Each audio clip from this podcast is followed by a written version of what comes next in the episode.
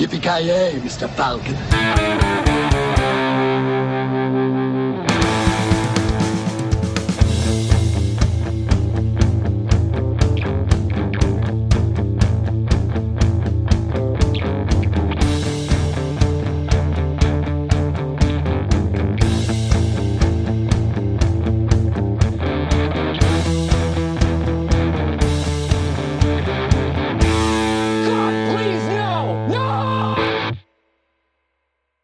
Jajamensan gott folk, hjärtligt välkomna till ännu ett avsnitt av Creative Meltdown Podcast. Ni har med mig, Kalle. Och eh, ja, vi går ju då eh, 20-talets, 2010-talets slut här. Och eh, vi ska då ringa in det lite och eh, summera allting. Och eh, med mig idag för att hjälpa till med det har vi då Mr. Avoya. Hur är läget? God dag, god dag. Eh, ja, det är en väldigt kontro kontroversiell eh, avsnitt, speciellt då eftersom vi har en i podden som skulle envisas med att säga att det inte är decenniets slut, vilket ju var lite idiotiskt, men det kan man ju leva med. Ja, det, Problemet med det där, det är ju bara att de som är idioter är de som inte förstår att det här inte är decenniets slut. Men, men, men, så, sånt är livet. Alla kan inte vara lika smarta som mig, så att... Så, som, som Ken, som Ken på, påpekade, var, firade man då alltså millennieskiftet 2001 liksom? det var då he- millenniet, så- det var då vi fick ett nytt millennium, ja. Om du ska, om du ska Så- räkna ja. till tre, börjar du räkna noll, ett, Ja, ja. två, tre. Ja, men det, det förklarar sidan ganska mycket om det, var jag där, så att jag är inte förvånad i ärlighetens namn. ja, det, är Jag- inte jag bara fram- det är inte mattepodden vi har här i och för sig, men... Eh, Glädjande nog. ja, exakt. Som ni hör så är Granström där man vill, man vill ha med sig på ett party för att lyfta upp stämningen. Ja, ja, precis. Absolut. bara, nej, han sitter så här och påpekar allas grammatik, bara nej, det ska heta var, inte vars, eller en sån där grej. Det är sjukt ironiskt med tanke på att alla ni tre är de som använder vars också i och för sig kanske jävla norrländska människor. Du, du menar de svenska i podden? Ja, precis, exakt. Fan. Skulle lika gärna kunna vara lappar Nej liksom. men det, det är ju mer såhär någon säger typ jag är 25 år gammal. Nej din idiot, du är 25 år, 3 månader, 4 Ja, dagar, exakt. 10 sekunder. Ja, men. Tra- Tragiken är att du tror att någon annan skulle bry sig om hur gammal någon är, är ju snarare... Eh, ja, ja, men det är ju viktigt. Ja, herregud alltså. Är det det? Vad är det här för podd? Jag, jag ser bara framför mig att Granström år 2001 sitter och lyssnar på Markoolio bara åh, millennium 2. Och så blir jag Alltså- triggered för att han... Ja, ja, så blir Ja, triggered. det bara, mest va? tragiska med att du säger det där, det är att du påstår att Markoolio inte är ständigt aktuell. Det är ju det som är problemet med Nej. ditt eh, påstående. Ja, ja, ja, men ja. Ja, jag tänker ju just så- bara den låten. Han har ju Eh, sålt ut alla älskar Globen nu för övrigt så... Åh, fy fan. Snyggt jobbat Markoolio. Snyggt jobbat. Som musiker. Ja, precis. Ja, ja, han har ju nyss haft det, typ, han hade typ om det var två konserter, i alla fall en, men en jävligt eh, stor konsert. Fan, fan vad man vill dit alltså. Mm, absolut. Livesänd podd från Markoolios Ja. återföreningskonsert liksom. Fan. Maiden kan ju slänga sig i väggen. Ja, och det roligaste är att vi är inte de mest, eh, liksom, out there människorna då heller, utan det är fortfarande Markoolio som drar hem huset liksom, i det fallet. Alltså, vad, jag- jag- vad, tror, ni att det är för publik där? Alltså vi är ju på Exakt. som sagt på 2010-tal. Kommer det vara alltså, Alltså, gubbar i våran ålder eller kommer det vara kids? Ja, jag tror det. vara- det kommer vara tror- kids som är där ironiskt och eh, är ute efter att ta ecstasy efter showen eller under showen och Nej. köra med Det, jag, hör, jag hörde, för det var, det, var en, det var en snubbe som var där på jobbet hörde jag, han sa att det var typ mest äldre, alltså det var typ folk i, ja, mellan 20-30 års åldern och sådär. Mellan Han- 20... han- han sa- alltså, de, de som Äldre. föddes när Markoolio släppte Millennium 2 alltså. Ja, men det är typ det. Det är ju den åldern. Jag tänker mig att det är 60-åriga hipsters och så här creddiga personer som är där, kulturmänniskor liksom. Alltså, ja, nu vill inte jag vara den som pissar på Markoolio på det här sättet, men han har aldrig varit en kreddig musiker, Kent. Ja, Det, det var lite det som var skämtet. Men jag tycker Ja. vi går vidare. Jag tycker han är, jag tycker det är den enda creddiga musikern. Ja, i Sverige. Ja, ja. Han skrev ju i trots allt mera mål. Ja, Eller Vi drar till fjällen, den helt Ja. enkelt klassiska sola och bada, pina colada. Fy fan. Magiskt. Ja, Magiskt, magiskt. men eh, ja, ni andra är får introducerat er i alla fall, nu har de hoppat in i den här konstiga jävla fucking diskussionen, så vi skiter i er.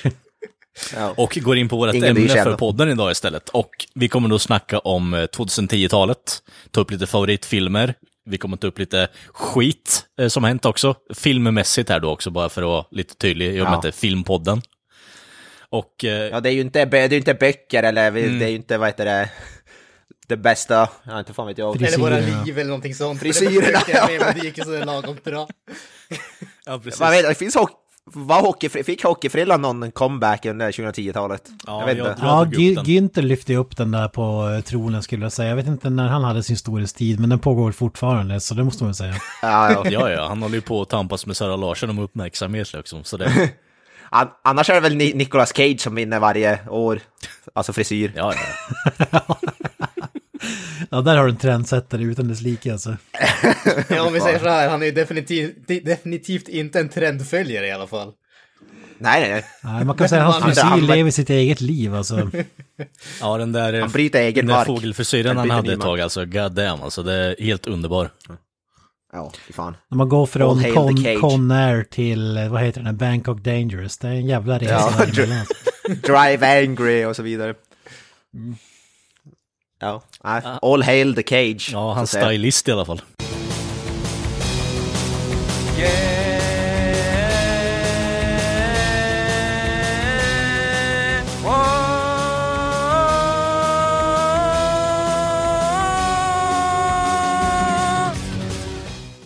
Men, vi tänker så här då, i och med att vi är den positiva podden, den mest positiva podden där ute i sfären också boys, så tänker jag att vi gör så här att eh, största besvikelsen med den här 10-talet, eller decenniet, eh, Kent, du kan få dra igång här och eh, eftersom att du är positivitetsministern i den här podden.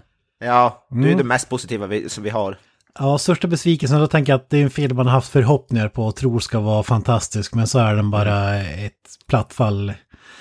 Och det måste jag säga här, du har ett av de bästa franchisen någonsin, du har originalregissören, du har Idris Elba, du har Mikael Fassbender på top of his game, du har Charlize Theron, du har och så vidare och så vidare. Jag tror fan Jag du har pratar- min film här. Jesus Christ. Jag pratar förstås om Prometheus för Ja, det 2012. tog du, din jävel.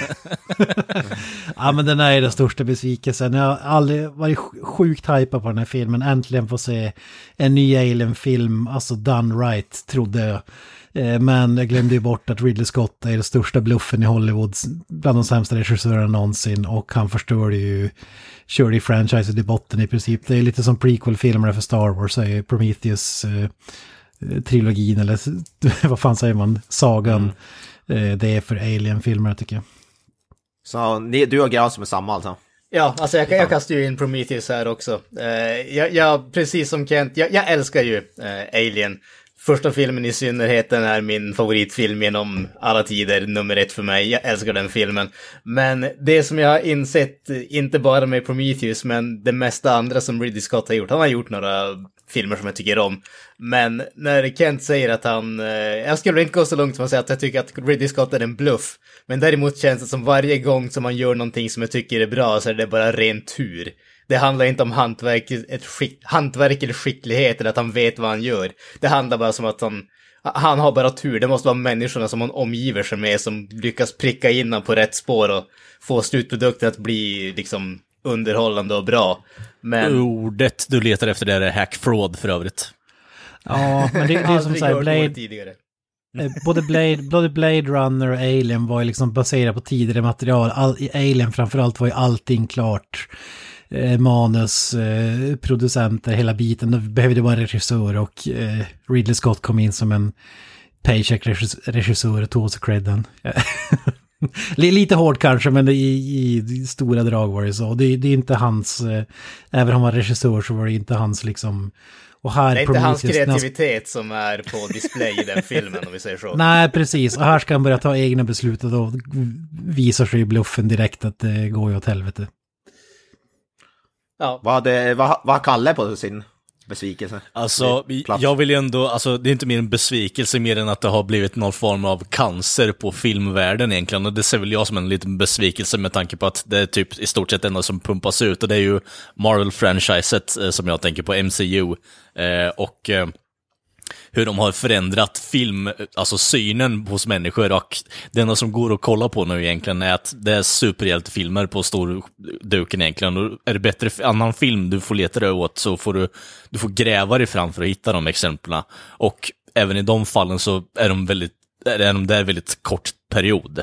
Så bara filmlandskapet överlag har gjort mig eh, besviken under det här årtiondet med tanke på att, ja, den gången det har kommit till om vi säger så. Uh.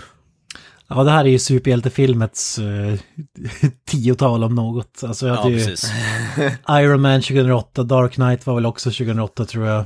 Mm. blev starten och sen har det dominerat här, superhjältefilmer och det ska bli jävligt intressant också att se nästa decennium eller hur fan man nu räknar Granström, eh, hur, hur det kommer se ut när Disney som har både Marvel, Star Wars, även har köpt upp 20th Century Fox, alltså hur det kommer arta sig, alltså det känns som att det Mm. Går mot mörkare tider men jag vet inte. Jo, jag förutspår också att det kommer bli en rejäl dos, dos extra cancer i alla tillvaron när det kommer till film åtminstone. Så eh, buckle up your seatbelts, folks. Alltså, Jag antar ju att, f- ni, eh, Kent, du tycker väl comic book-filmen peakade där 2004 med Blade 2 eller? Ja, det var, det var ju dess. som sagt Dolph Lundgrens Punisher och Blade 2. Ja, ja, det var där det peakade och sen föll, föll det bara. Sen, sen har det bara 80 blivit 80-tal. svammel. Cash Ja, grabs. liksom. 80-talet. Fy fan. Ja, den peakade jävla tidigt i comic book-films historia så att säga. Ja, men man kan ju säga att det dog ju med, efter Christopher Nolans eh, Batman-trilogi så dog ju allting, ja då var det bara cash grabs och försök att återupprepa hans succé som har gått åt helvete, tycker jag i alla fall. Ja. Eh, ja, jag har faktiskt, på min har jag en film som vi har sett väldigt nyligen, pratat om nyligen. Jag har Star Wars The Rise of Skywalker. Som största besvikelse. Och det är lite för att jag tyckte den var så här jättedålig. Det, var mest, det skulle vara en avslutning på hela Skywalker-trilogin som man förväntade sig typ 10 av 10. Och så fick vi typ 6 av 10 istället. Eh, det var väl mest därför jag valde den. Men Ja, du kan ju inte ha så jättestora eh, förhoppningar på förhand, tänker jag, med tanke på de två föregående filmerna. Men, ja. Nja, alltså förhoppningar. Jag, som sagt, jag- för att det var den sista filmen i Skywalker-trilogin så hade jag ändå förhoppningar om att, den, att jag kanske skulle bli, bli överraskad. Jag hade inte jättestora förvänt- förväntningar, men jag hade förväntningar på att jag skulle bli positivt överraskad, vilket jag ju absolut inte blev. Eh, Så det var därför eh, jag valde den. Jag tycker, bara lite kort, jag tycker vi kommer tillbaka till att Le Kalle nämner här med Marvel-universumet som förstör film idag. Jag har sagt det tusen gånger innan, men jag vill ha början, mitten och slut på en film. Inte 20 filmer och så har de massa mellanfilmer där. Nej. Och Ja, här hade man en uppgift, bara stänga igen sagan, men man kan inte hålla sig. Man ska introducera 400 andra grejer istället för att lägga upp Ja, precis. spin-off-filmer och eh, ny trilogi och så vidare och glömmer bort alltså, vad man egentligen skulle göra.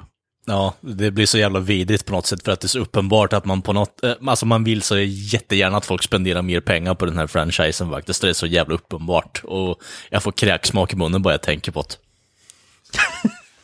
På tal om kräksmak så kommer vi utsökt in på nästa. Bra segway där för övrigt. Men eh, på tal om största besvikelse här då. Det finns ju då, jag vet att Kent och Knösen eh, pratar mycket om en film som de hatar som har blivit skapat under det här årtiondet då. Så vi tänkte då även ta in eh, sämsta film under 2010-talet också här. Så eh, ni kan ju få börja prata om eh, Mindhorn här nu då, så att vi får det ur vägen. Ja, lustigt att du Ja, säger det. Jag har också Mindhorn på... Ja, ja men det var ju konstigt. Det var ju ett sammanträffande att vi hade... Ja, väldigt konstigt att menar- ni två har det, ja. ja absolut. Jag vet Ja, alltså, inte, finns egentligen så- borde inte Mindhorn vara med på den här listan överhuvudtaget, för jag skulle inte klassa det som en film. Det är ju mer cancer än film. Alltså. Ja, alltså den, ja, ja, det finns ju inget annat val. Det är ju... Alltså typ det finns ju mycket så här Slenderman, en värdelös film till exempel, men alltså den är ju fortfarande Citizen Kane i jämförelse med Mindhorn. Så, så ja. En kandidat är Open House, men det, men det går inte att sätta något annat än Mindhorn, alltså den är vedervärdig. Och Mm. som sagt, vi uppmanar inte folk att söka upp den här när vi pratar om den, utan vi pratar om den för att historien inte ska upprepa sig, att ni inte ska göra samma misstag som oss och se skiten. Det. Ni pratar den så ofta så att ingen ska kunna glömma att den är så dålig genom att påminna dem så att alla ska bli intresserade av att söka upp den för att ni kan aldrig hålla käft om den. Så att jag tror Nej, förmodligen att ni har, ni har nog gett den här filmen en större publik än vad den någonsin har haft innan. Ja, vi, är ju så, vi, är ju så pass, Er omvända psykologi har misslyckats katastrofalt misstänker jag. vi är ju så pass stora så att vi kan ju ha den effekten. Ja, det ja. sant. Det, det, det, var ju, det var en av våra lyssnare som påpekade att den finns ju på fysisk media också, tragiskt nog. Vi, och med det Den sagt vill jag absolut inte uppmana folk till att eh, se skiten, men... Alltså det skulle vara, ett, det skulle vara förolämpning mot min skivläsare att stoppa i den skivan i. Alltså, Ja, man, man skulle, den skulle, det, det är ju sista gången du har öppnat den luckan så att säga, då br- brinner den ju upp liksom. ja, den- svetsas igen av sig själv. Eh, för er Ja. lyssnare där ute, den finns fortfarande på Netflix för övrigt också. Ja, fy fan. Ja, det är därför man hatar Netflix också. Jag, kommer, jag förstår inte, för jag kommer, tänkte på det, jag tror jag gav den filmen 3 av 10. Jag kan för mitt liv inte förstå hur jag kunde ge den ett så högt betyg. Nu när jag tänker på det. För jag, kommer, jag, kommer, jag förstår inte varför jag inte gav den 0. Det är jag inte förstår. Nej, jag tror jag gav den ett och då var jag åt helvete för högt alltså. Ja. Jag vet inte varför jag, hur jag kunde tänkte när jag gav den 3 av 10. Vi måste göra en re, alltså, avsnitt 200 Mindhorn Revisited så man kan äntligen få ge den ett rättvist betyg. Vi hade, blivit, vi hade ju blivit hjärntvättade av Granström och blivit mindhorn chills. Det, det var ju därför. Alltså, Ja, Det, det var all those mindhorn moneys. Ja fan. ja, det är så jävla mycket budget bakom den filmen liksom. Ja men låt höra vad har ni då? Ni, ni har mindhorn också, men vad är er motivering liksom? Ja, precis. Nej, jag tänker ju ta upp den här filmen som du tog upp där, Open House. Eh, den här filmen som vi såg tillsammans i början på, eh, var det det här året? Mm, nej, det Den har man också försökt förtränga, så jag vet fan. Ja, för jag har för mig att antingen så är det början på 2018 eller 2019. Eh, jag vet att den släpptes 2018 i alla fall, men hur som helst då. Eh, den här filmen, eh, värdelösaste jag någonsin sett i mitt liv. Eh, finns knappt någon budget bakom den. Känns som en tax write-off. Och eh, det finns ingen suspens och det ska vara en skräckfilm. Eh, filmen är gravt deprimerande att titta på bara. Vilket gjorde att jag tappade helt och hållet filmintresset under typ eh, ett kvartal där, eh, under 2018-19 där. Ehm, så tack Open House för det. Så definitivt den sämsta filmen under 2010-talet. Mindhorn, absolut, inte den bästa filmen. Det finns lite skärmdelar i den och jag hypar upp den mer än vad jag egentligen borde göra. Men eh, den är på tok mycket, mycket bättre än Open House är faktiskt. Open House är trash garbage. Herregud. Alltså ta det du sa Alltså, med jag- Open alltså- House och gångra det med hundratusen miljarder så kanske du har någorlunda vad vi tycker om Mindhorn. Det är ju inte bara 2010-talets Alltså, har- sämsta film, det är ju årtusendets sämsta film. Liksom. Mm, mm. Alltså jag hatar ju Open House, Så men den är fortfarande senaste alltså... 20 årens sämsta film alltså? Så Precis. Alltså Open House är ju ca- cancer, men det är fortfarande alltså 10 av 10 i jämförelse med Mindhorn. Ja. Ja, alltså hade ja. inte Mindhorn funnits så hade ju den varit en kandidat till sämsta slutet någonsin, men det har ju Mindhorn också. Ja, Mindhorn har ju sämsta slutet, sämsta, sämsta Ja, eh, tre då gör vi så här. Jag tycker att vi låter ta, ta över det här till Granström så att vi kan komma vidare istället för att ni ska bara hålla på och pissa och ge mer promotion till den där skitfilmen. Så, Mannen som gav 7 av 10 till Mindhorn, ja, go! en Alldeles för film. lågt betyg, alldeles för lågt betyg. Jag stänger av mina hörlurar nu. Absolut. Men jag kastar ju in en film som jag misstänker att eh, ingen av er har sett, möjligen Avoya. Eh, en film som heter The Bunny Game. Det är en fullkomligt värdelös skräckis slash eh, torture porn film. Uh, jag, jag såg den för att jag hade läst om den, jag tror att det var typ Dread Central eller Fangoria eller någonting åt det hållet. Den släpptes 2011 så det var ju ett bra tag sedan. Jag läste att den skulle vara så skrämmande och så sjuk och det ena med det andra, för man var ju ganska inne i de här hostel och så och allting sånt där. Uh, det här är en lågbudgetfilm gjord... Lågbudget är överdrivet. Det är en nollbudgetfilm. Det är förmodligen någon som hade liksom morfars eh, filmkamera från mitten på 70-talet och bestämde sig för att göra en eh, hemmagjord film. Det är... Den är inte skrämmande, den är inte bra, det finns ingenting som ens liknar skådespeleri i den. Det är krasst sett den sämsta filmen som jag någonsin har sett. Det finns ingen poäng, det finns egentligen ingen handling. Eh, man skulle kunna kalla det torture porn, men det finns varken torture eller porn, så den är fullkomligt värdelös rent underhållningsmässigt sett också.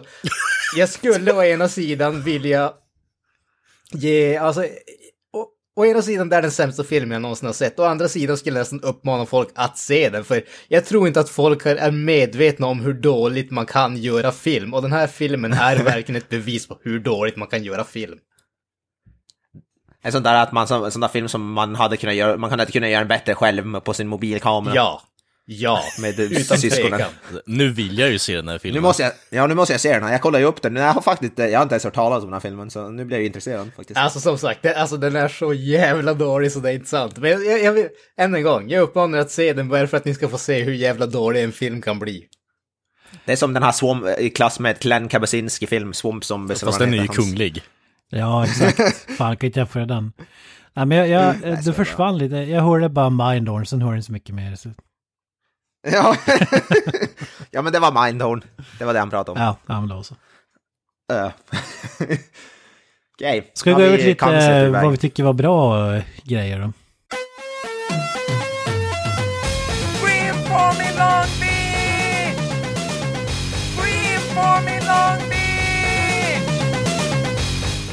Ja, absolut. Vi kan ju börja i eh, början på decenniet här då, eller eh, slutet på 2000-talets decennier där, beroende på hur Granström eh, tänker och tycker det. Ja. Vi, vi tar ju väldigt kort om varje film, vi, sitter, vi kommer inte att ta en recension Mm. en ti- timme på varje film. Vi kommer nämna typ vilken film det är och säga ja, den var bra för att den har, inte fan vet jag, den har Len Kabasinski som regissör. exakt, exakt. Men Mr. Avoya, du kan ju få starta av oss på 2010 här då. Ja. Ska vi bara ta lite disclaimer? Alltså det, det här är ju inte, det är inte de bästa filmerna. Alltså, det här är ju ingen Oscarslista. Ja, det kanske är en Oscarsvinnare med här, men det här är våra, mer våra favoritfilmer från just det året än någonting annat. Och vi har precis. givetvis inte sett alla och så vidare. Nej, nej. Jag, jag, bara, jag, såg, jag satt och kollade igenom listorna för varje år. Fy fan vad lite filmer jag hade sett från varje år. Förvånansvärt lite såg jag. Du Jävligt 80-tals dåligt. slasher Ja, typ. Ja, seriöst. Se, se om Men- Halloween en gång i veckan. Ja, typ. Ja, det, alltså, det, är ju bara, det finns ju ingen annan film som är värd det. Nu har jag gjort så att jag står bara en bubblare inom parentes på varje år också eftersom det är en film som jag tycker hade kunnat passa in. För jag, då, ibland hade jag svårt att välja så jag var tvungen att stå bara bubblare. 2010 film, 2010 varför? 2010 film har jag Inception. Eh, för att jag tycker den är jävligt bra, jävligt snygg. Eh, jag älskar Christopher Nolan. Sjukt bra. Och i en bubblare står på det Scott Pilgrim vs. The World som är en jävligt originell serietidnings Ja, actionfilm. det är också en bra film. Är det. Ja, så ja, in, men Inception är mitt som huvudval i alla fall. Så, ja, that's that. Kent. Granström, Kent. Eh, ja, jag scrollar här på Wikipedia, jag har ju också lite bubblor på den här punkten. Först tänkte jag, fan, Hot Tub Time Machine, klockren komedi.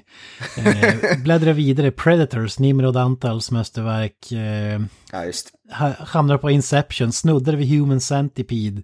Men, ja, ja, ja. ja, där har vi magisk film alltså. men för mig är det The Book of Eli. Våldsam, postapokalyptisk actionfilm med Denzel Washington och Gary Oldman. Det blir inte bättre än så i min bok. Alltså det, det, det den, den vad heter det, tänkte jag faktiskt också på. Den, är faktiskt riktigt bra. Så den var också där snuddar. Men eh, det, vi ska inte, vi ska inte fastna med det. Granström, Yes. Jag kastar ju in uh, Tron Legacy där. Jag, självklart.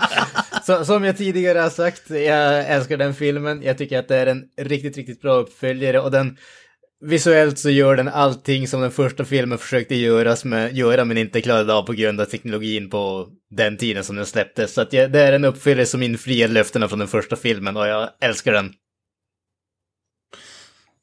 Ja, jag har ju satt Ja. in eh, Machete, ettan där med Danny Trejo. Jag tror inte det behövs någon motivering där egentligen. Alltså det, det är en bra over the top-film som inte tar sig själv på alltså, för stort allvar.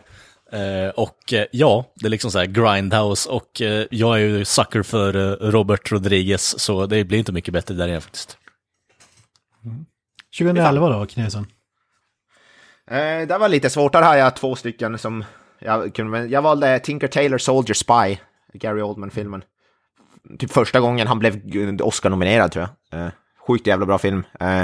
Långsam spionthriller typ. Och innan Bubbla hade jag X-Men First Class.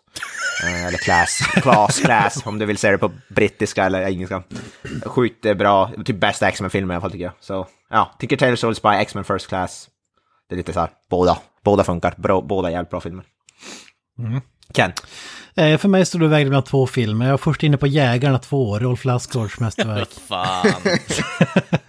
Men jag landar i The Raid. Eh, SWAT-team som blir fångade i ett höghus som styrs av en gangsterboss och så har en hel armé med mördare och underhuggare som ska besegras. Eh, gillar man martial, martial arts-filmer så är den här ett måste. Så jag sätter alltså The Raid som 2011 års bästa.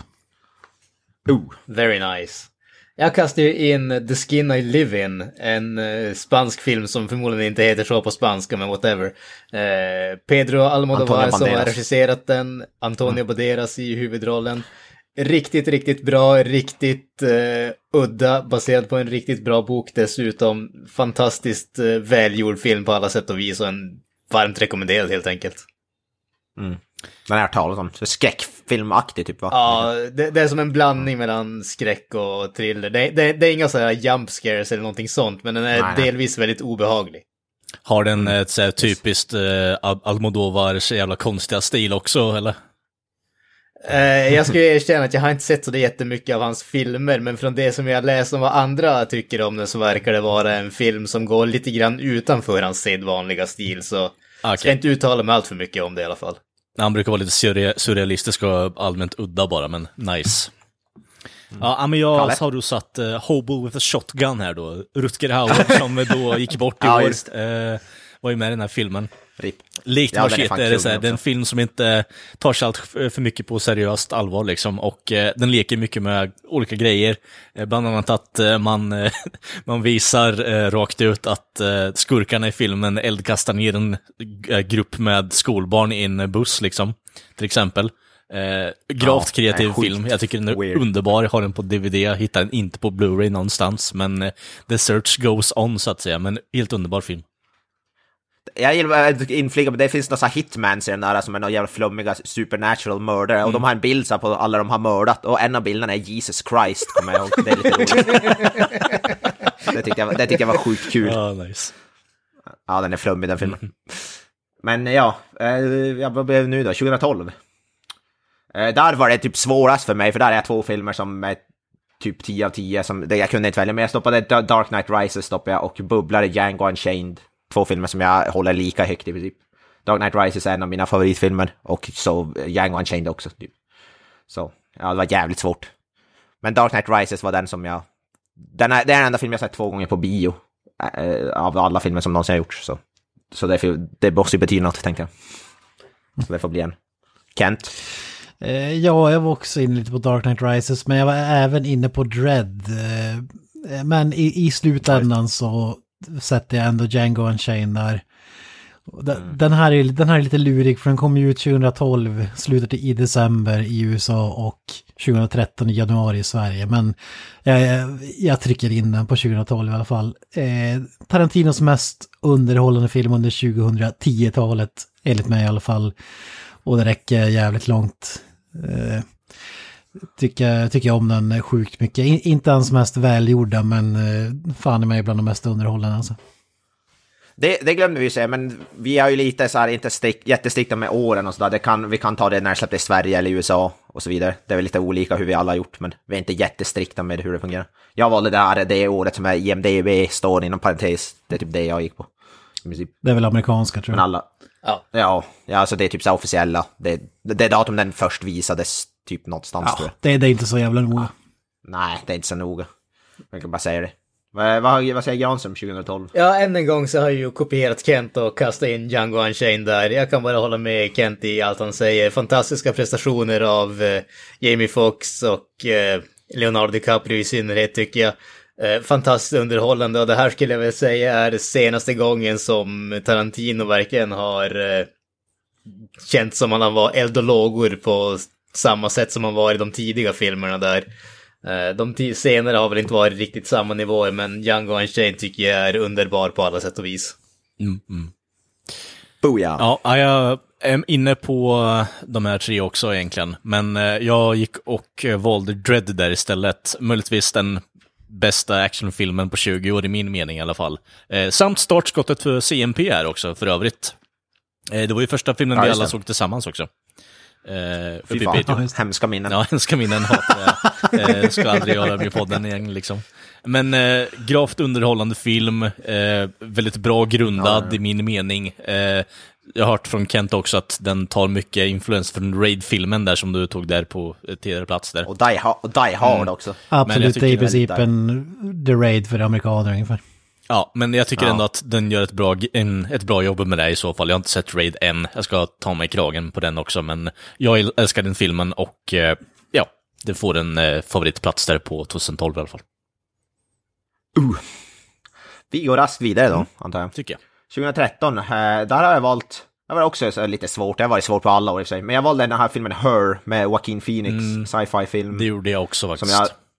Spike Jones. Ja, du har också Yes. valt den där. Ja, alltså den är, den är fruktansvärt bra. Och då hatar jag ändå den där typ av typ romantisk komedi eller vad man ska kalla den, men den är faktiskt helt fantastisk. Och jag valde inom bubblor stoppade jag The Wolf of Wall Street, för jag tyckte den också var jävligt bra. Martin Scorsese-rullen, men, men Her... Jag, jag, minns, jag minns nästan mer från Her, alltså mer starka minnen från den. Så. Jag, ja, Joaquin Phoenix, för fantastisk. Eh, vad har Kent stoppat där? Mm, jag, jag har lite mer fin cineastiskt val här. Ja, just det. Eh, Jag hade ju först tänkt sätta Pacific Rim, fi- film som jag älskar, Ja, just det, ja. Guillermo del Toro och så vidare. Men det finns ju bara en film det här året och det är givetvis Escape Plan. Mikael, Mikael Hovströms eh, Fortress-kopia, Fortress-filmerna med Christopher Lambert eller Christopher Lambert. Sly Stallone Arnold Schwarzenegger ska rymma från ett Maximum Security Prison och det är helt fantastiskt. Eh, Arnolds bästa film sedan hans comeback. Och eh, ja, det, det säger väl allt i alla fall. Plus att vi har Winnie Jones, grädden på moset liksom. Ja, vi har 50 Cent med och... Ja, dessutom. Ja, det är otroligt bra jävla film tycker jag. Sjukt underhållande. Så Escape Plan blir det. Oh. Ja, jag kastar ju in eh, Pacific Rim såklart. Gigantiska monster, gigantiska robotar, regisserat av Guillermo del Toro. Det finns inget mer att säga. Ja, Och Kalle hade, vi hade valt samma som dig ja, på den. Så raskt över till 2014 här då. 2014, eh, där stoppade jag Birdman eh, med, ja, Michael Keaton heter han. Eh, sjukt jävla snygg, bra film. Eh, ja, ja, jag tycker den är fantastisk. Eh, och i bubblare stoppade jag Interstellar, det var nära att Interstellar valdes också, för jag tycker den är, sjukt bra också. Christopher Nolan är ju alltid bra. Men jag, det blev Birdman som drog det längsta strået, för jag tycker den är fantastisk. Fantastiskt originell, framförallt. Så ja, det får bli den. Mm, jag har ju stoppat in The Raid 2. Oj. Ja, men...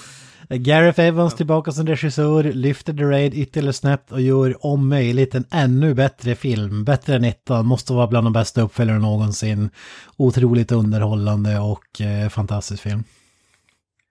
Ja, jag håller med. Jag hade ju också The Raid 2 där. Och det som jag tycker är så imponerande med den är ju att den, den känns som en helt annan typ av film. Även om det fortfarande är en kampsports actionfilm så känns det som en helt annan typ av actionfilm än den första filmen gjorde. Den första var ju väldigt koncentrerad, den utspelar sig i en byggnad, det var små korridorer och hela den biten. Den här filmen är ju betydligt bredare. Den utspelas på fängelse, men utspelas även ute på stan i, vad heter det, på massa olika ställen och sånt där. De har verkligen tagit konceptet och breddat det och gjort det oerhört, oerhört väl. Den har betydligt bättre handling, betydligt bättre actionscener, betydligt eh, bättre effekter på alla sätt och vis. Det, det är en av de bästa actionfilmerna som någonsin har gjorts. Det är bara, se den så fort ni bara kan, för den är ett mästerverk. Verkligen. Ja, jag har ju satt in ett, eh, eh, vad ska man säga, eh, säga, musikaliskt inslag här då, i Whiplash. Eh, trumspelande har aldrig varit så intensivt innan liksom. Eh, J.K. Simmons är helt underbar i filmen som den här eh, väldigt abusive läraren som eh, vill få ut det bästa av sina elever, men eh, ja, orsakar dem ju fysisk smärta eh, utöver det och eh, psykisk smärta också för den delen. Eh, bygger upp till ett jättestort crescendo liksom och det, det får en bra payoff i slutet också och det blir lite feelgood känsla över all den här så här, smärtan och liknande bara och stressen framför allt som är väldigt prominent i filmen. Men helt underbar film. Ja, jag älskar också den filmen. Det bästa med den filmen är att man kan rekommendera den till ta med fan vem som helst också. Ja. Oavsett vad du gillar för typ av filmer. Den är otroligt bra. Det är sant. Jag vill, bara- jag vill bara säga, jag vill också stoppa in John Wick som en eh, bubblare på 2014. Vill jag, säga. Den, jag glömt bort att den släppte 2014, Ah, men det, det den gjorde det. Vi kommer inte kunna hålla på Första John Wick, första John Wick älskar jag innerligt.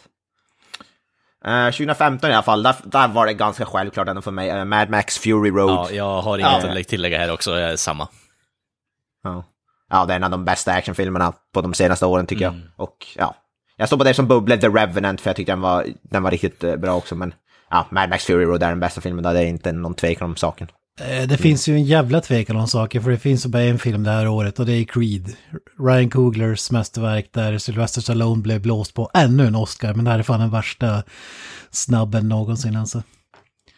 Michael B. Jordan otroligt bra i en uppföljare som inte borde vara så bra som den faktiskt är med tanke på att det är den, vad fan blir det, sjätte filmen, sjunde i franchiset. Eh, riktigt fantastiskt bra film. Ja. Både Kalle och Gran som hade Mad Max. Yes. Ja, jag, jag tycker det, det som man kan säga om Mad Max, alltså det är ju att den visar ju hur bra en film kan bli när man låter en filmskapare med vision göra det han faktiskt vill göra, helt Ja. enkelt. Det var ju väldigt mycket, det, en av orsakerna till att det tog så länge var ju att det var ju mycket strul med den filmen. Det är ju därför den tagit så länge att komma, men när den väl kom så visar det ju bara hur, hur mycket en stark vision kan göra. Och Mad Max är verkligen ett utmärkt exempel på det. Absolut, det är rent visuellt är det helt underbart. Eh, Skådespeleriet är fantastiskt. Alltså, som Granström säger, allting har fått tagits den tiden och behövt tagit ta också, vilket är väldigt sällsynt i dagsläget. Så helt underbar film. Yes. 2016, där är jag faktiskt upp en film som jag, ja, det är Whi- Whiplash-regissörens, en film som jag aldrig trodde jag skulle gilla, men det är La La Land stoppar jag på 2016. Just det. Eh, en film, jag hatar ju musikaler och att de faktiskt lyckas göra en musikal som jag faktiskt gillade, var, det är nog, nog för att jag vill stoppa den på listan. För jag tyckte den var, hade fantastiskt bra musik och skådespeleri och ja. Ja, det är förmodligen typ den enda musikal jag någonsin sett som jag faktiskt kan säga att jag tycker är riktigt bra. Sen hade jag även som bumlare Don't Breathe där, för den gillade jag också. som fan. Men La La Land i alla fall, just på grund av det faktumet. Att det, de kan göra en musikal som jag gillar, det, det är ju faktiskt rätt förvånande. Kent? här är så jävla kluven alltså. Eh, ja, jag tycker att Moonlight är ruskigt bra. Men om jag ska erkänna, då, de filmer jag ändå gillar mest underhållningsmässigt hela den biten så står det mellan Rogue One, A Star Wars Story och Independence Day Resurgence. Herregud. alltså, vad- Ja, det är hög, jag kan, jag kan, är fatta, kvalitet, jag kan ja. fatta att du tycker om och vill höja upp Independence, men att du aktivt säger att du vill sätta Rogue One på listan gör mig besvärad, Kent. Va? Alltså, jag- Rogue jag- One är ju typ den bästa Star Wars-filmen som har gjorts. Nej. Ja, alltså jag, jag tyckte alltså. som är, sagt... jag, jag gillar den också. Jag, jag var inte imponerad när jag såg den på bio, men jag har sett den i efterhand och den växer bara för varje gång jag ser den. Alltså jag tycker... Jag tycker, alltså den är långt ifrån något mästerverk eller felfri film, men jag tycker att den är, den är riktigt underhållande, otroligt snygg och så har den som, alltså just det här att den står som på egna ben även om den knyter samman med de andra filmerna. Eh, på något sätt så, så... Nej, men jag, jag måste, jag kan inte sätta en Disney-film. Jag, jag sätter Independence Day Resurgence. 20 år efter första kvalitet, filmen alltså. så utomjorden tillbaka ännu en gång för att utrota mänskligheten. En sjukt underhållande film som inte tar någonting allvarligt och som var helt eh, fantastisk tycker jag. Modern movie schlock och det gillar vi. Yes, yes. Här kastar jag mig uh, head first in i MCU och kastar in Captain America Civil War. Jag eh, Suck. suckar på, Ja, suckar på bäst du vill. Jag, jag tycker att eh, Civil War är den bästa Marvel-filmen. Det är den filmen där man faktiskt försöker ta upp någonting som är eh, vettigt och någorlunda intelligent, som inte bara går ut på att folk slår varandra på käften. Även om vi får den sämsta sekvensen på flygplatsen det, men det är saker man får förlåta. Men Ja, det spelar ingen roll att Christopher Nolan berättade exakt samma story typ tio år tidigare i alla fall. nej, det gör det inte. Alltså, jag hatar ju inte Civil jag, jag väl... Att det är en av de bättre MCU kan jag väl hålla med om, men... Jag tycker, jag tycker absolut inte den är värdelös Men det säger inte så jävla mycket, det är det som är grejen. Nej, det kanske inte gör egentligen, men... Om, om, det säger, om det säger någonting så är det väl snarare hur fattigt filmåret 2016 var i så fall. Ja, jag tänkte 2016 säga det, vad fan ska jag säga? Jag sätter Independence Day Resurgence. Ja, Du ska fan Och inte jag säga någonting Ken. och jag säger att sätta en musikal. Ja. Musikaler kan vara underbara, det handlar väl lite... Alltså, är det... För att by- byta ämne i två sekunder. Jag är fan jävligt sugen på Cats alltså, jag vill se den.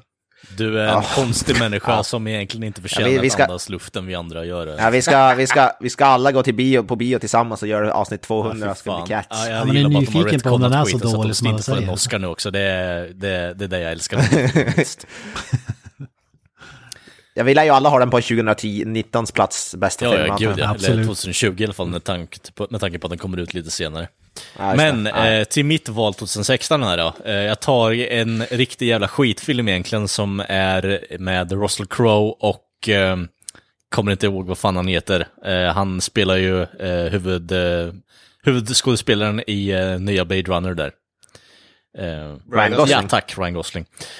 De spelar ju då två poliser och det är en parodi på en 70-tals polisfilm och det är ostigt, det är fånigt och jag älskar den. Den är helt underbar. Den svänger både höger och vänster och man anar inte vad fan som händer. Helt underbar komedifilm faktiskt. Kan inte rekommendera den Du kanske säga, du kanske ska säga titeln på den också. Eh, ju- The Other Guys. Eh, nice Guys heter det. The Nice Guys. Är nice. Jag tänkte Ja. The Other Guys är en helt annan. Ja, det, Ja. Jag hade tänkt sätta den på 2010, men jag skiter i det. Ja, det, det var faktiskt också den där, den är ju underbar faktiskt. Men 2017, där är det ganska självklart för mig, Blade Runner 2049. Eh, en av de bästa science fiction-filmerna som har kommit på senare år tycker jag. Och en uppföljare som inte borde ha varit så bra som den var. Och inte betydligt bättre än vad någonsin trodde att den skulle vara. Så jag tyckte den var helt fantastisk. Och inom bubblor också som kom jävligt närmare You Were Never Really Here. Som den, den, den är lite så den kom ut 2017, den räknas som en 2017 film tydligen, även om den hade typ premiär 2018 i Sverige och nästan överallt, men ja, jag tog in den på 2017 som bubblare också. Men Blade Runner 2049 är väl klockrent, älskar den filmen. Eh, ja, för mig stod det ju mellan Get Out, Jordan Peels eh, komedi, skräckkomedi. Mm. Men, och Dunkirk, och jag landar ändå på Dunkirk, Christopher Nolans. Eh, jag har sagt det när vi snackade om filmen, otrolig bioupplevelse, sitter fortfarande kvar. Eh, mäktig film som ska ses på stor duk. Har sett den tre gånger nu och jag tycker att det blir bara bättre för varje gång. Ja, Get Out var i alla fall nära för min del också komma in. Den är ju sjukt bra, jag älskar Get Out som fan. Yes. Jag, kast, jag kastar ju in eh, Coco här. Pixars eh, mexikan, Mexiko-inspirerade film. Eh, jag tycker att den filmen är ett eh, mästerverk. Pixar är ju för mig allra tätast förknippat med Toy Story-serien om man säger så. Och de tycker jag är fantastiskt bra, fantastiskt välgjorda, men Coco är ett mästerverk på alla sätt och vis. Den är helt underbar, fantastisk musik och fantastiskt utseende och allting sånt där. Väl värd att se, jag tycker att den är ja, 2017 års bästa film helt enkelt. Ja, jag vill bara börja min här egentligen med att säga att helvete vad mycket bra film det var som kom ut 2017 alltså. Det är fan helt sinnessjukt hur mycket bra film det var som kom ut då. Men eh, jag måste ge den här eh, favoritdelen till Baby Driver alltså. Eh, underbar klippning, underbar användning av musik. Eh, och alltså inkorporering av det i filmen eh, kopplat till karaktären som har tinnitus och är Getaway Driver liksom. Helt jävla underbar film och fun all the way through liksom. Det går inte att rekommendera nog. Mm. 2018 eh, då. Här var det också, men här, jag valde Upgrade i alla fall som 2018. Eh, för jag älskar den filmen och tycker jag är bland det coolaste, coolaste jag har sett på jävligt länge. Tycker en, det är som en lite mer fast-paced Blade Runner med lite mer action och ja, slagsmålsscener. Inom bubblor har vi ju, alltså självklart Shape of Water är ju en bubblare där, men även Searching står på det som bubblare, som är riktigt underhållande mystery thriller. Men Upgrade framför allt, tycker jag. Den är, ja, den är helt fantastisk. Mm. Eh, här är kanske bland de svåraste valen här måste jag säga. Det är tre, tre filmer som jag verkligen älskar från det här året. Det är Shape of Water förstås. Det är Black Clansman, eh, Spike Lee-filmen. Och det är The Predator. Fan.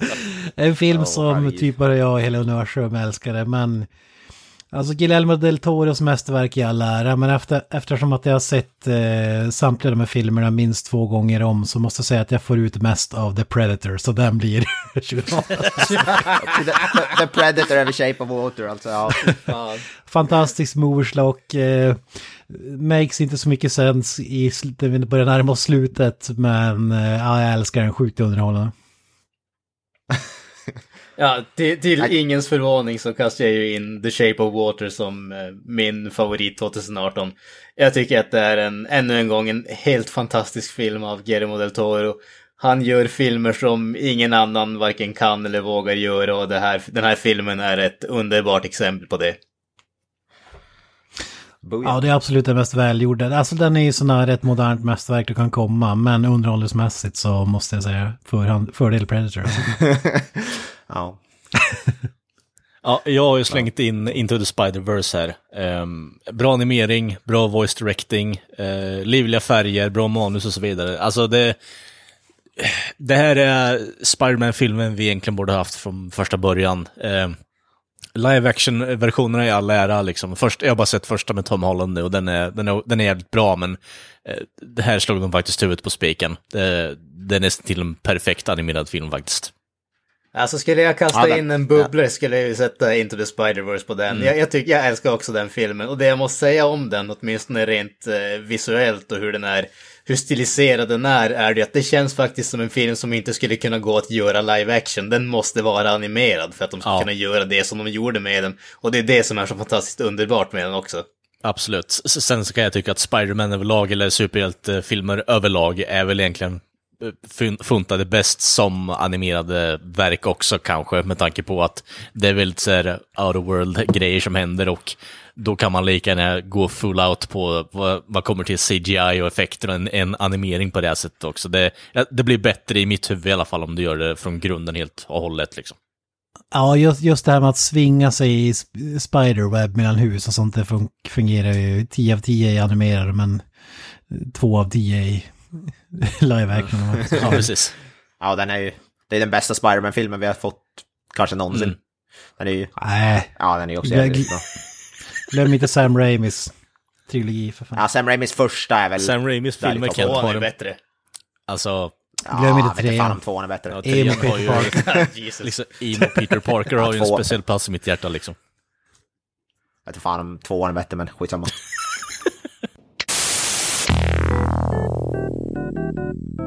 Hello! Nu har vi i alla fall kommit in i 2019 och där skulle vi väl ha lite special. Där har vi valt, skulle vi välja tre filmer. Mm.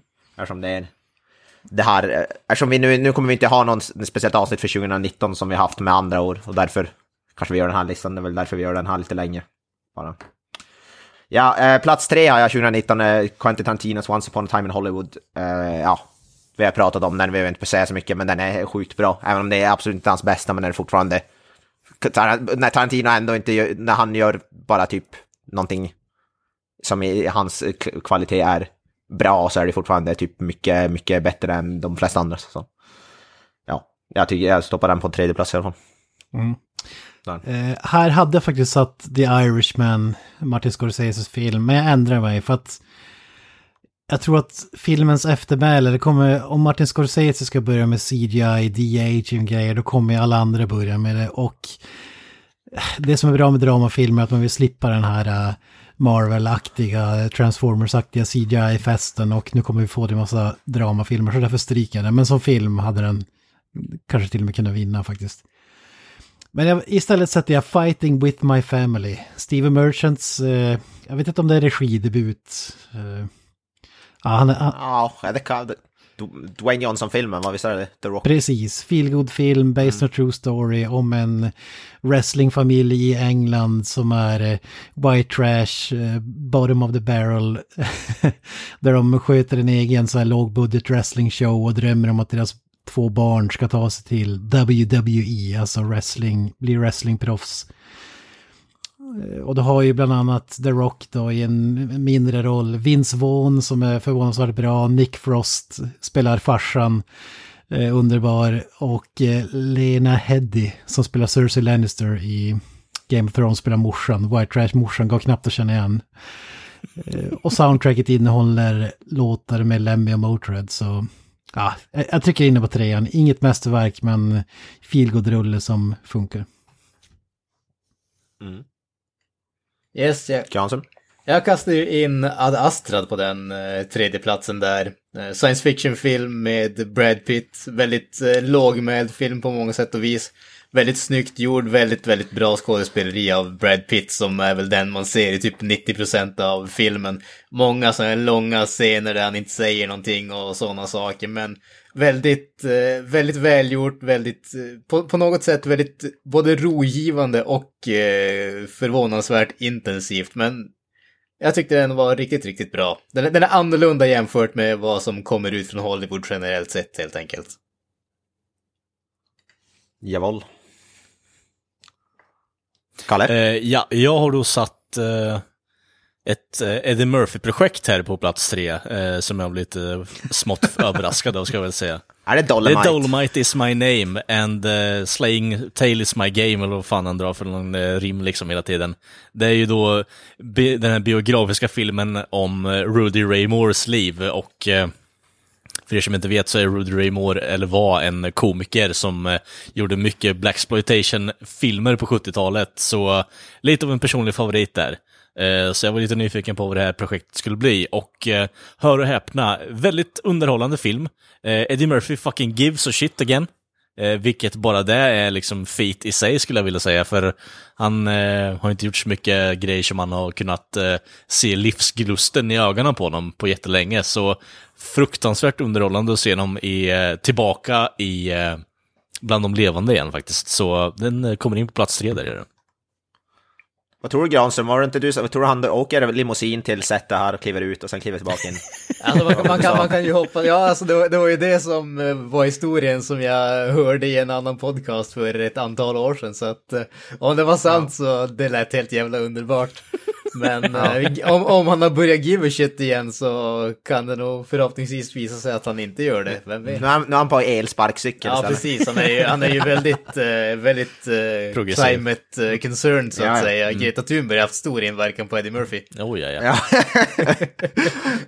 Kommer med Greta Thunberg t-shirt. På- på- in på en... School strike for the climate liksom. How Ja, dare you? exakt. Ja, det står how dare you står det. Hans nya catchphrase liksom. Ja, precis. Ja. Han gör det med 500 Granström, vad olika fan röster också. Får fan rysningar när jag hör den där skiten. Ja, han, är ju både, han är ju både kvinnohatare och, och vad heter det, hatar miljön så det är ju, Ja men det är alltså, ju klart. pr- problemet är ju att det som hon gör, att få alla andra att se upp för miljön och vara så miljövänliga och sånt, det sätter ju så jävla mycket press på oss andra att förstöra miljön om vi ska ha världen att gå under. Fatta hur jävla Ja. mycket jag måste arbeta nu. Ja, ja. Ja, just det. Ja, det är ju fan synd om det alltså. Ja, det är ju det. Eh, Ja. Plats nummer två. Vad var vi nu? Plats, plats två. Eh, men här kommer vi faktiskt en jävligt stor skräll. En film som eh, jag trodde var klappad och klar för eh, årets bästa film, men som nu får glida ner till en andra plats. Eh, det är eh, Joker, Joaquin Phoenix. Tom Phillips, film som jag tycker är perfekt, eller ja, tycker jag älskar helt eh, innerligt. Men den blev nerpe- fick sig nerpetad bara nu i helgen faktiskt av en annan film. Som är på plats ett. Och det trodde jag ju inte var möjligt när det bara är typ några dagar, tre dagar, två dagar kvar av året eller vad fan det Du är har sett Cats alltså? när vi spelar in den. Ja, jag har sett Cats. Nej, Nej men vi, ja, vi kommer till, men Joker i alla fall blev två andra plats och det trodde jag ju absolut inte. Det, jag trodde det var garanterat som första plats men ja, livet förvånar. Ja, det är lite samma för mig. Jag tror det var given etta på min lista. Men jag har faktiskt bestämt mig för att peta ner den. Det är smartare. Det går emot allt jag står för. Men jag har sagt, satt eh, Rambo, Last Blood på andra plats.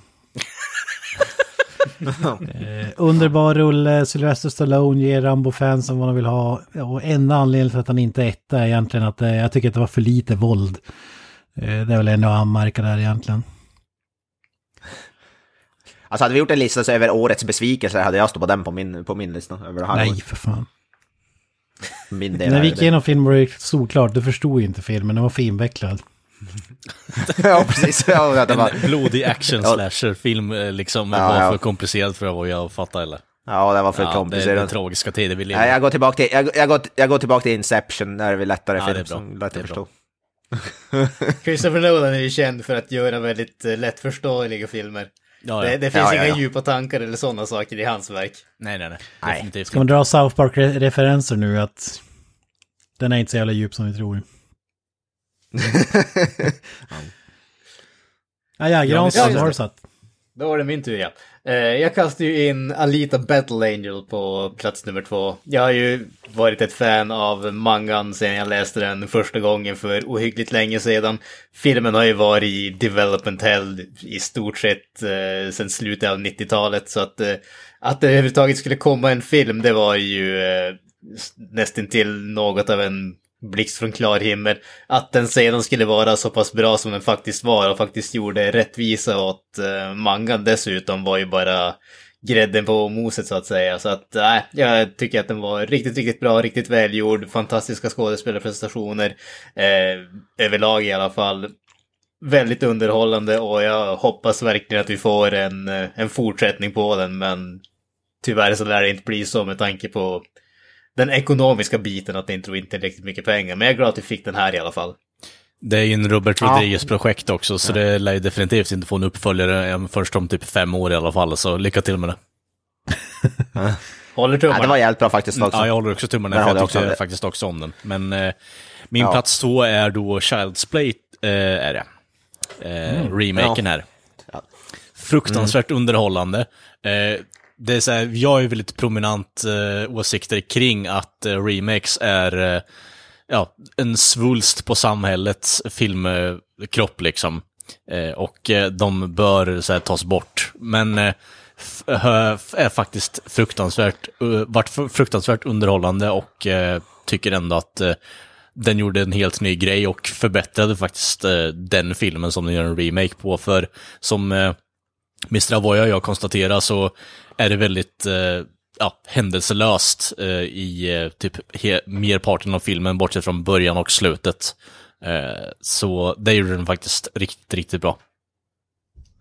Ja, alltså hade jag gjort en sån här topp 5 så hade den hamnat, för jag tyckte alltså det är ett sjukt att en remake är typ på många sätt bättre än originalet, vilket jag trodde aldrig någonsin skulle kunna hända, men den är alltså, den var helt fantastisk Yes. Ja, jag har skandalöst nog inte sett den här än, men det kan ju inte vara bättre än original Child's Play. Det är för fan ett mästerverk. Jo, jag, jag Alltså. tycker ändå det faktiskt. Alltså, jag, Ja. jag tror då att du har tänkt på tvåan, för tvåan är liksom, den kan du inte göra om. Men ettan, efter att ha kollat på den ganska nyligen, måste jag ändå konstatera att den är jävligt li- alltså, långsam alltså. Nästan lite för Alltså den var trå... Alltså vi, både jag och Kalle sa det, men vi tyckte båda den var ju så jävla långsam och Chucky är ju med så pass lite i den att och då delar utan Chucky var ju typ värdelösa i princip. Och han var på det så pass lite, men här har de ju gjort allting rätt. Tagit in Mark Hamill som rösten till, vad heter det, alltså, ska man byta ut, vad heter det, Eh, ja, fan också, Brad, Brad Dourif. Så, ja, då är, alltså det finns ju inte mycket bättre val än Mark Hamill och där gjorde man ju helt rätt. Bara det var ju gjorde. Så ja, ja, den hade varit med på min om jag hade haft en längre lista. Så hade den nog varit plats 4-5 i alla fall. Ja, vi måste ta Child's Play 2 någon gång. Absolut. Ja, jo, det måste vi.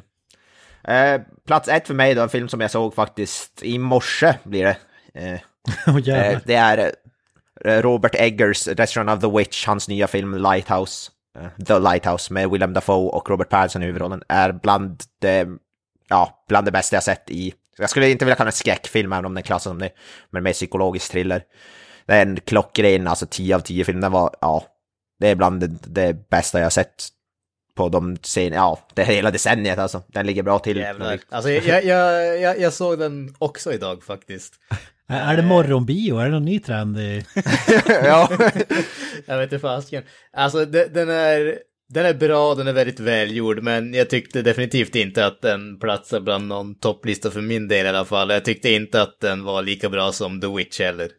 Tyvärr. Ja, den, Ja, jag den är väldigt välgjord. Jag tyckte skådespeleriet är fantastiskt bra. Det, det är ju i stort sett eh, ett ställe och så är det två skådespeleri, skådespelare och det är det du får i hela filmen. Och det, det är väldigt, väldigt välgjort sett till vad de har arbetat med och så, men som helhet tyckte jag väl att den var inte... Ah, det, det föll mig inte riktigt i smaken måste jag erkänna. Ja, jag är helt motsatt. Jag tycker bland annat är den kanske en av de snyggaste filmer jag har någonsin sett. Med, vad heter det? Det är faktiskt att man inte har filmat den i widescreen och gjort en smalare aspect ratio, jag vet inte vad, kall, vad det kallas, som man använder mer på så här typ ja, 40, 30-40-talet. Och även uh, man pratar med så här korrekt dialekt och allt möjligt och använder ord. Äh, den filmen är helt, jag tycker det är bland det coolaste, häftigaste jag sett. Och att Robert Pattinson, shiny sparkling vampire Robert Pattinson kan vara så pass jävla bra som han är i den här filmen, det trodde jag ju aldrig ens var möjligt. Eh, att han skulle kunna skådespela i samma klass som Willem Dafoe nästan, det är fan sjukt. det är- så, ja, ja, ja, Det är ju kul att höra att han älskar försöker gräva sig ur det där jävla hålet som han själv har hatat liksom under så jävla många år också. ja, han är var ruggigt i det. Det är Willem Dafoe som stjäl show, men Mm. äh, jag älskar den här filmen. Jag tyckte den var ljusår, men jag älskade ju The Witch, tyckte den var fantastisk, men den här var... Mm, Alltså, ja. nej, mycket bättre. lobster!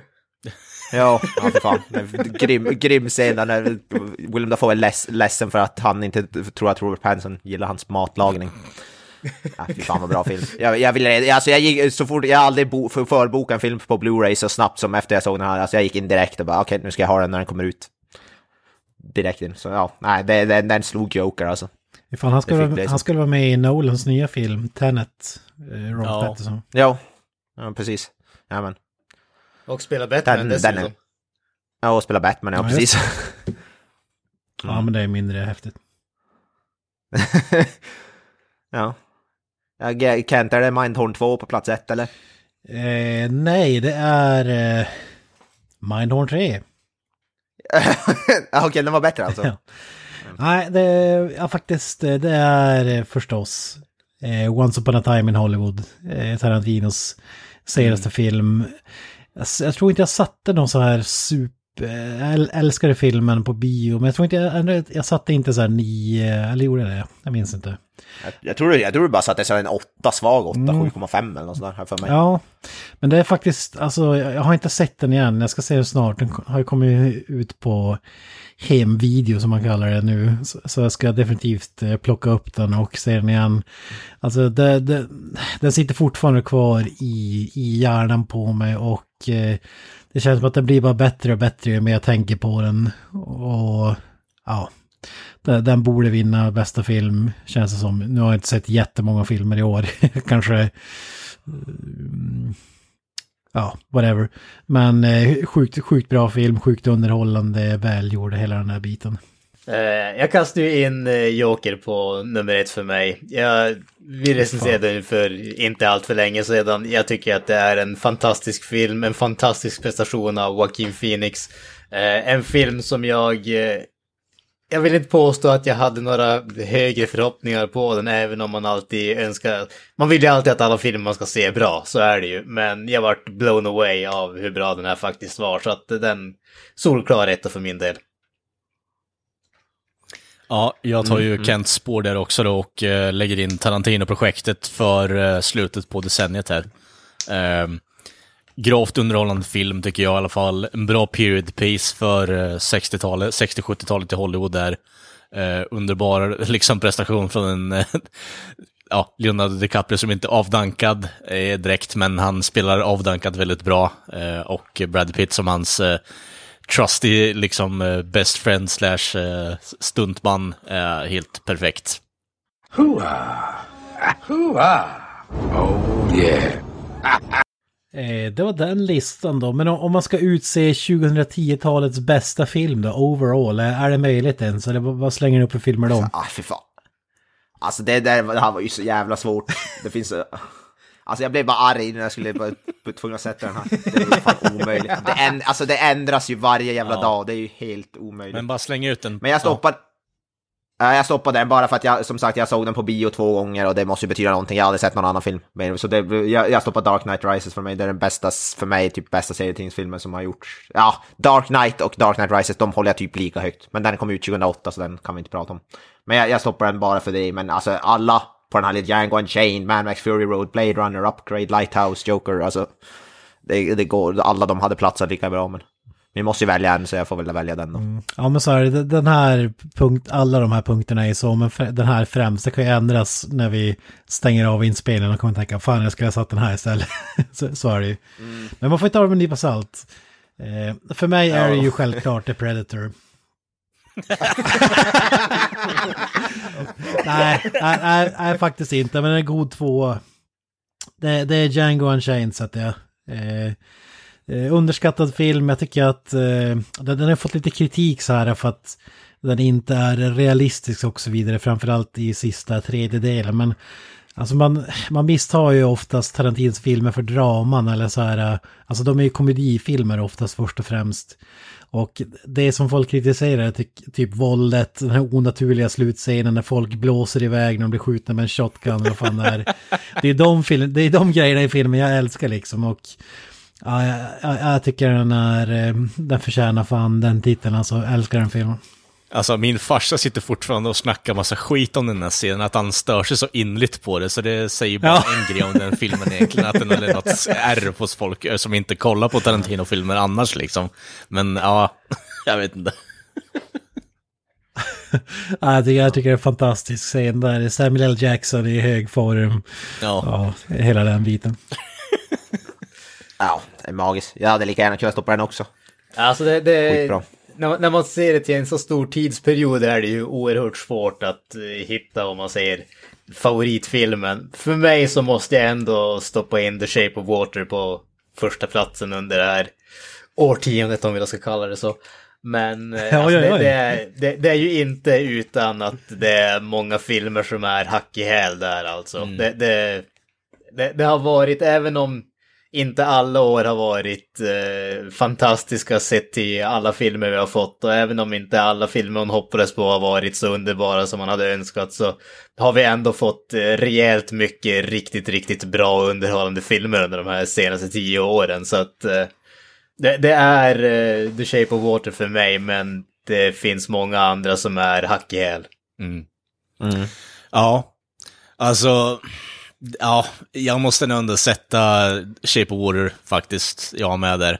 Det, och som vi har konstaterat innan, det, det går fan inte att riktigt sätta den definitiva favoritfilmen för decenniet, men den, eh, den är liksom, jag har aldrig varit så säker på att eh, ja, den här borde vinna en Oscar, för den är, den är så jävla bra. Sen så kan man väl eh, dels ifrågasätta att de spelar lite väl mycket på det här med eh, eh, ja, det som Hollywood brukar ta in som Oscarsvinnande filmer, men jag tycker ändå att de, den skötte det på ett väldigt bra sätt, liksom. Faktiskt. Eh, Tarantino i all ära med eh, Django Unchained, eh, Hateful Eight och eh, liksom den här senaste filmen nu också. Eh, det är riktigt bra filmer. Det, det är väl väldigt sällan vi får så här mycket Tarantino-filmer på så kort tid, skulle jag vilja påstå egentligen. Men det, The Shape of Water tar den faktiskt där, känner jag. Ja, så är det. Alltså om jag skulle bara gå listan efter vad jag tycker är så här mest välgjorda, kanske förtjänar det mest, så skulle det också vara Shape of Water. Även om jag satte The Predator som min favoritfilm. Men Det, det är som skillnaden där, alltså det här är som ingen Oscarslista utan bara filmer man älskar själv. Och jag älskar den eh, filmen också, så jag, jag kan köpa att den skulle kunna koras som 2010-talets eh, bästa film. Mm. Ja men det, det är som vi alltid håller på att prata om, alltså det är det här med hantverk och underhållning och den biten. Och det, det är ju, vad, vad, vad blir man mest underhållen av och vad värderar man mest i slutändan och så. Alltså jag, jag, som sagt, jag tycker att Shape of Water är en i stort sett perfekt film, både hantverksmässigt sett men även underhållnings, underhållsmässigt sett. Men sen finns det ju andra filmer där man kan se, alltså hantverket är väldigt bra men slutprodukten kanske inte lever upp till vad hantverket lovar om man säger så. Då, då blir det ju mer, alltså vad, vad värderar man i slutändan? Och då måste man, ju- man måste ju ändå gå på det man blir underhållen på. Alltså vad, vad, vad kommer jag att tänka tillbaka på när jag ser på filmer? Då, då kommer jag tillbaka på de där filmerna som man hade någon sorts emotionell respons till eller någonting åt det hållet. Det är ju inte det där alltså, som även om det var välgjort och vann 50-11 Oscars men som försvann ur huvudet på 15 minuter. Då, då kommer jag aldrig att tänka på det som en favorit på något sätt. Ja men precis, Ja, då det är lite då det står det är- med Independence Day Resurgence i huvudet. Det är ju så. ja, exakt. Precis. Men om, Precis. om det är någonting som har varit väldigt så här, uppenbart när vi har lagt de här filmerna på bordet egentligen, är att vi är lite all over the place och vi har ju olika tyck och tänk. Och det, det som Granström säger, det går ju inte riktigt att bara alltså, starta upp att den här filmen är bra för att den har vunnit mycket Oscars. Alltså det kan ju vara, som sagt, bara för att man alltså, värderar den på ett speciellt emotionellt sätt. Och det, jag tror det är lika viktigt att ta upp där också, att vi är lite olika och det, det är ändå bra att ta upp det ibland också.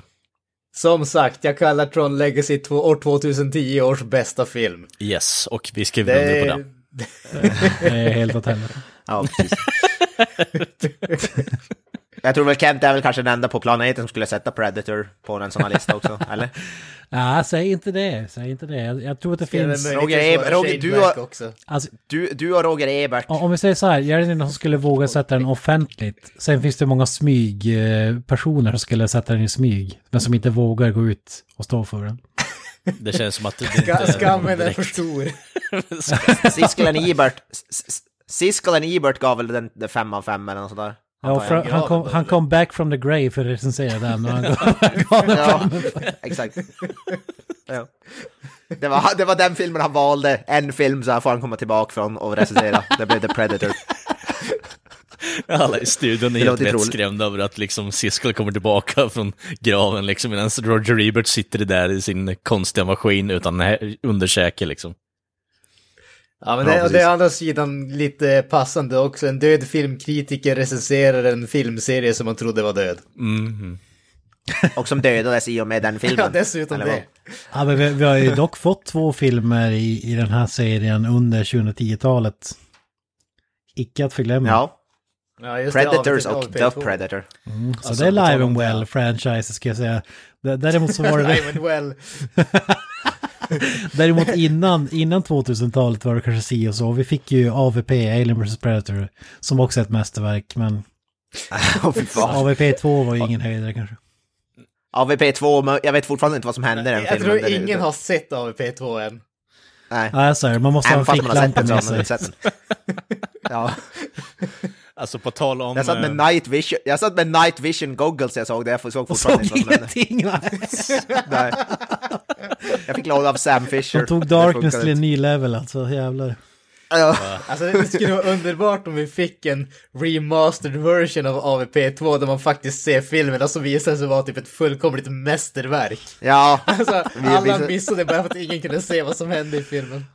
nej, De precis. gör typ som en Justice League-film, bara la på ett rött filter över hela jävla filmen så att den blir upplyst. Liksom.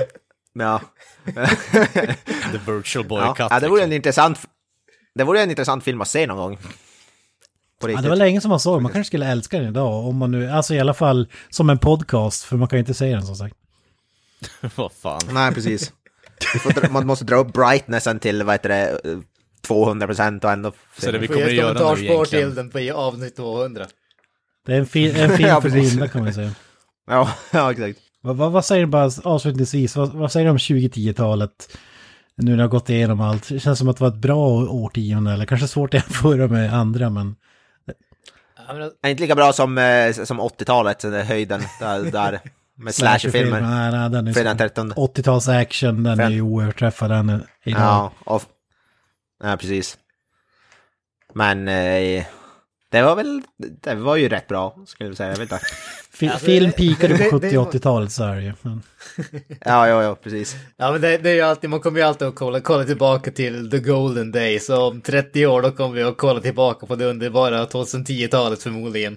Fast problemet Så- är så- att det är exakt det Hollywood gör. De tittar ju tillbaka på för typ 30 år sedan och sen gör de ingenting nytt. Så det har de gjort så här i typ 40 år. Så jag vet inte riktigt om vi någonsin kommer få det här. Utan det är, det är ju konstant idissling vi har att se fram emot här framöver. Så är det förmodligen, men det, det är väl bara världen vi lever i. Nej men alltså det, det man kan säga lite allmänt bara, det är ju...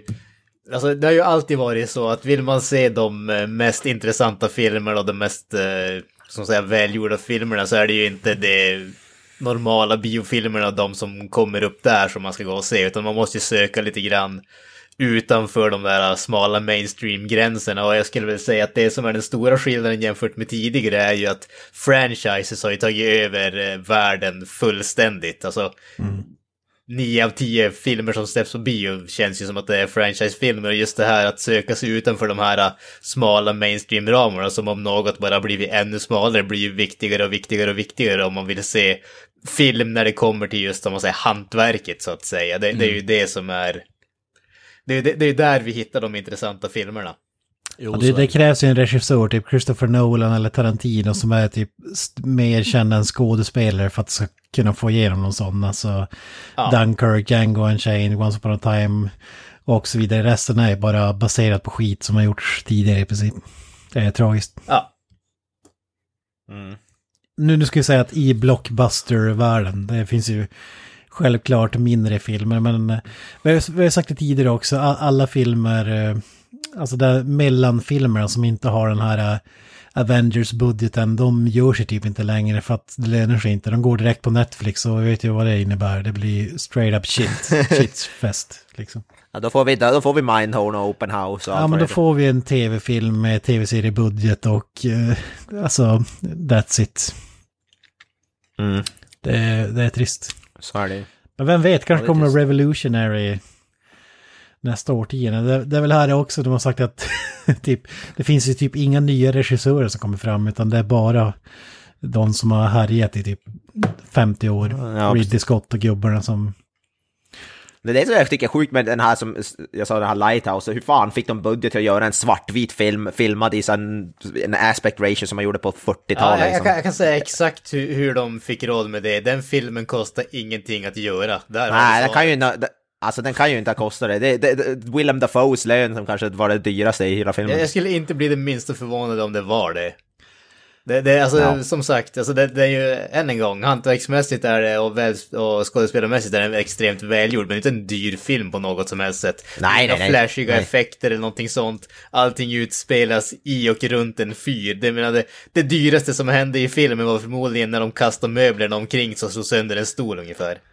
ja. Budgeten är 4 Men jag säger miljoner det- dollar, det kommer det inte långt på.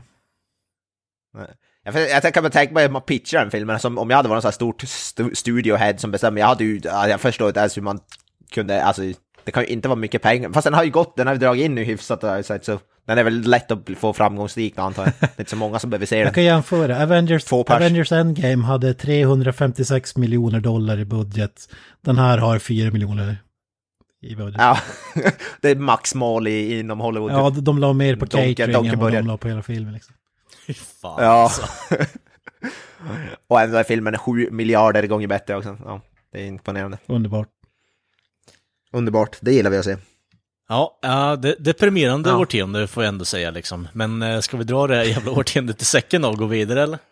Ja, Det man Det kan säga det är att Ja. eh, våra lyssnare kan se fram emot att vi eh, strävar oss utanför de här smala jävla mainstream-gränserna och levererar recensioner på utmärkt independent film i framtiden också. Vi kommer att eh, kolla under skosulor och under eh, bänkar och saker runt om i världen för att hitta de bästa filmerna som ingen har hört talas om. Ja, Och nästa det- vecka har vi Avengers 57.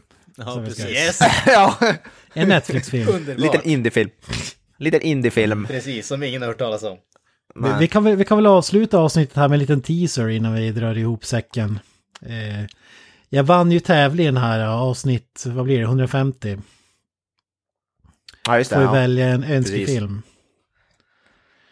Eller ett önskeavsnitt i alla fall. Du, ja, du har ju pratat om det här. Du har ju pratat om den här Iron Maiden-specialen, är det den vi får? Jajamän, Iron Maiden, Tour of... eh, nej, Äh, fy fan. nej eh, jag, jag har valt att vi ska prata om en specifik film. Kalle valde ju eh, Goldeneye här. Eh. Eh, Jag är lite mer eh, under, Finsmakare. under bältet så att säga. Så jag har valt en film med Ron Ja. Jeremy i en av rollerna.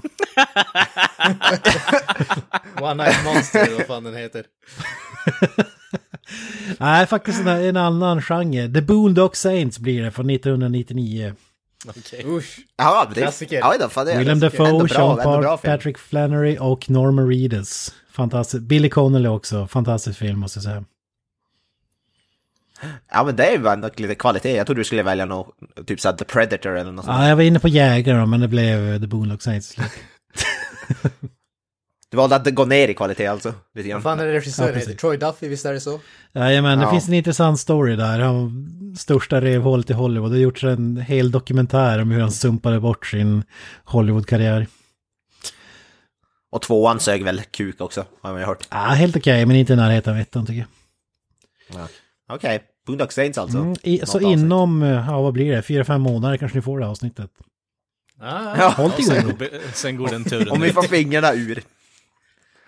Får fingrarna ur röva så att säga. Ja, Ja, du. en liten teaser. Eh, ännu ett avsnitt in the bag, så att säga. Och eh, ni hittar ju oss på sociala medier som Facebook, Twitter, Instagram, YouTube och eh, Spotify där för on the go. Vi har vår egen hemsida också, det är då creativemeltdownpod.wordpress.com. kommer upp lite fräna recensioner och annat käckt material där. Ja, eh, tio år har gått förbi. Hur länge har vi hållit på med den här podden nu? Snart fyra?